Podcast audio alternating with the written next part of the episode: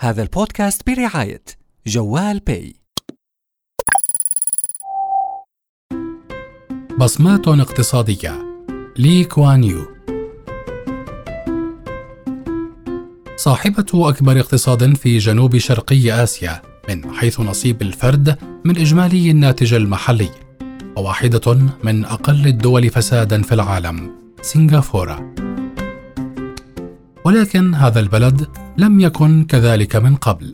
فقد كانت سنغافورة الجزيرة الصغيرة في جنوب شرقي آسيا والتي لا تملك أي موارد طبيعية عبارة عن دولة فقيرة تعج بالاضطرابات السياسية والفساد والانفلات الأمني.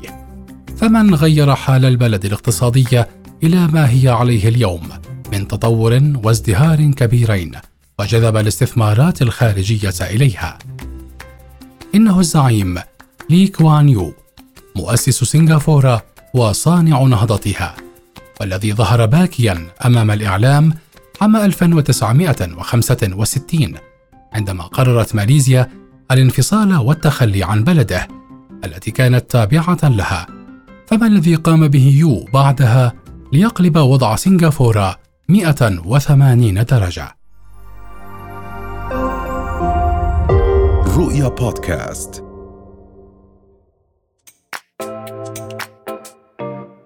مرحبا. قبل ما نكمل المعلومات القيمة اللي موجودة بهذا البودكاست حاب أعرفك عن حالي. أنا أحمد من جوال باي.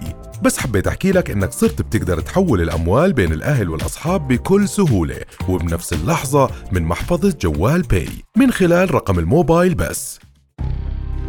استطاع يو مقاتل الشارع كما يصف نفسه والمولود في السادس عشر من سبتمبر عام 1923 والمنحدر من أصول صينية وعبر ثلاثة عقود بين عامي 1959 و 1990 من نقل سنغافورة من العالم الثالث إلى العالم الأول ومن تحويل سنغافورة من جزيرة مليئة بالقاذورات والبعوض إلى مركز مالي واستثماري له ثقله حول العالم وليقفز فيه دخل الفرد ثلاثة أضعاف عما كان عليه سابقا. في عام 1959 وبعد الاستعمار البريطاني لسنغافورة والذي دام 13 عاما كان يو حينها قد تخرج من جامعة كامبريدج بتخصص القانون ودخل معترك الحياة السياسية وبعد فوز يو بمنصب أول رئيس وزراء لبلاده وهو في السادسة والثلاثين من عمره وجد نفسه حينها محاطا بكثير من الأزمات الداخلية سواء الاجتماعية أو الاقتصادية من جهة ومخاطر التمدد الشيوعي والدب الروسي من جهة أخرى. طريق يو نحو بناء سنغافورة لم يكن ممهدا بسبب مصادر الدخل الشحيحة وعدم التجانس السكاني الذي يجمع خليطا من الملاويين والصينيين والهنود وتنوع الثقافات واللغات والأديان داخل بلده الصغير. تعرض لي كوان يو لانتقادات مستمرة من الصحافة الغربية التي كانت تارة تبدي إعجابها بعبقريته وقدرته على النجاح وتارة تصفه بالنظام التسلطي الناعم.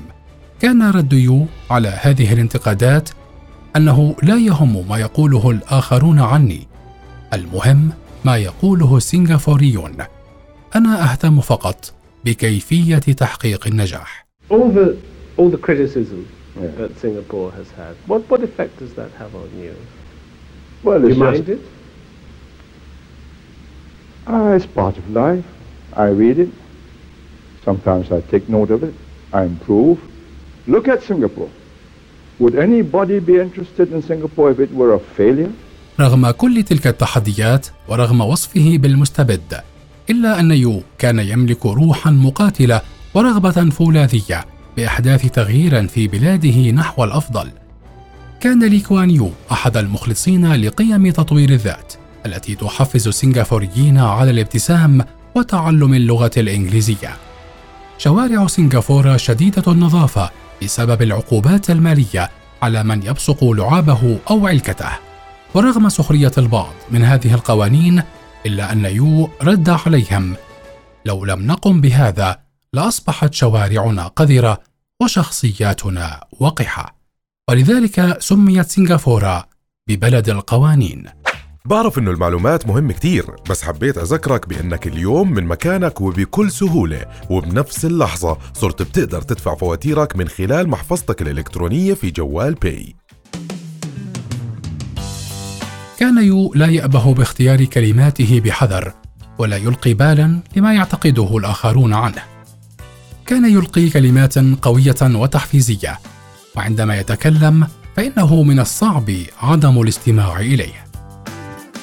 لم يخف يوما من التصريح علنا بأنه عمل على هدم المعارضة حيث قال لماذا لا نهدمها قبل أن تبدأ؟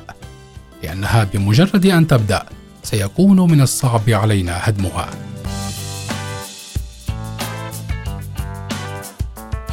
بدا لي كوان يو بتغيير أنظمة بلده وسن قوانين جديدة ووضع حاجز للفساد الإداري والمالي لبلاده.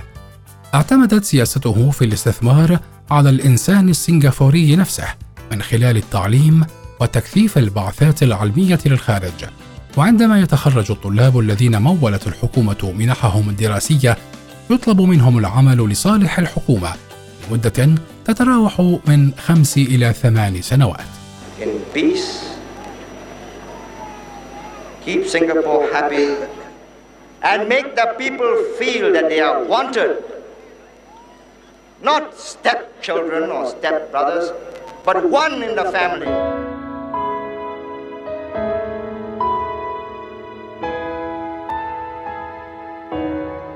في سنغافورة لا تجدي المحسوبية أو العلاقات مع أصحاب المناصب السياسية نفعا بالنسبة لموظفي الخدمة المدنية وسبب ذلك أن رواتب كبار موظفي الخدمة المدنية تعتبر من أعلى الرواتب على مستوى العالم.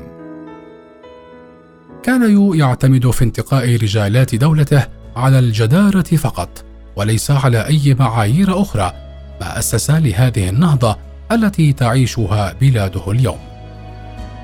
استطاع لي كوان يو الاستفادة من موقع سنغافورة المهم عند المدخل الجنوبي الضيق لمضيق ملقا، وبالتالي السيطرة على إحدى بوابتين في العالم بين المحيط الهندي وبحر الصين الجنوبي وهو موقع قيادي في المنطقة وميناء طبيعي رائع بالإضافة إلى ذلك اتجه يو إلى الصناعات التحويلية التي بلغت نسبتها 16.3 في العشرة في المئة من الناتج المحلي الإجمالي ما حقق مرحلة جديدة من النمو الاقتصادي لتحتل بلاده المرتبة الثانية والعشرين في العالم من حيث نصيب الفرد من الناتج القومي الإجمالي.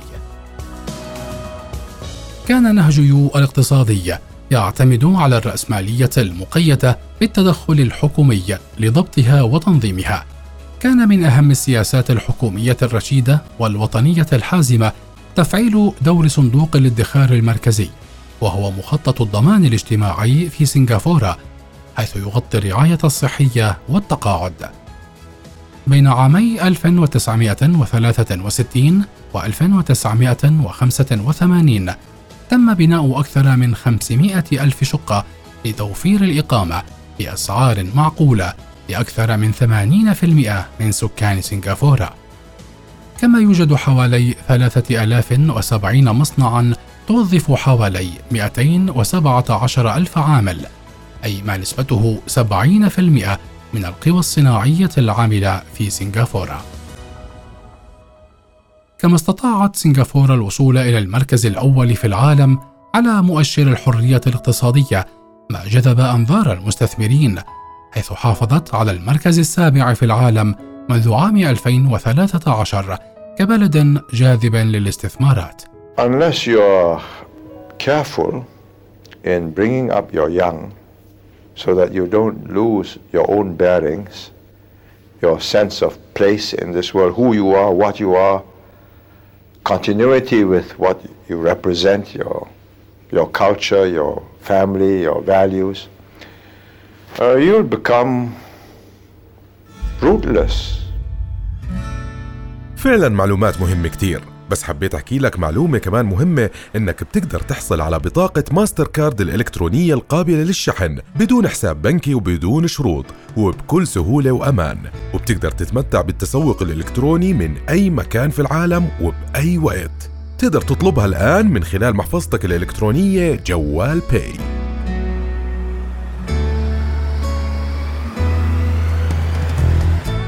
رغم رحيل لي كوان يو في الثالث والعشرين من مارس عام 2015 إلا أن إنجازاته ما زالت ماثلة ومستمرة حتى اليوم. ففي ديسمبر عام 2020 وصل معدل الادخار الإجمالي في سنغافورة إلى 45.8% وهي واحدة من أعلى معدلات الادخار في العالم ويتم توظيفها في مجالات الصحة والتعليم والتقاعد والسكن. وهو ما جعل المواطن السنغافوري من أكثر المواطنين في العالم شعورا بالاستقرار. كل هذه النجاحات ما كانت لتتحقق لولا جهود الأب المؤسس لنهضة سنغافورة الحديثة لي كوان يو الذي جعل من الحلم حقيقة بأن نقل بلاده إلى مصاف الدول المتقدمة بسياسته الحكيمة وصبره وحنكته التي يشار إليها بالبنان. في كتابه قصة سنغافورة. كتب لي كوان يو. كنت دائما أعتقد أن ميكافيلي على حق. فإذا لم يكن هناك أحد يخشاني فأنا بلا معنى. لم يخشى لي كوان يو أحدا لأن يده لم تلوث بالفساد. لذلك خشيه الجميع.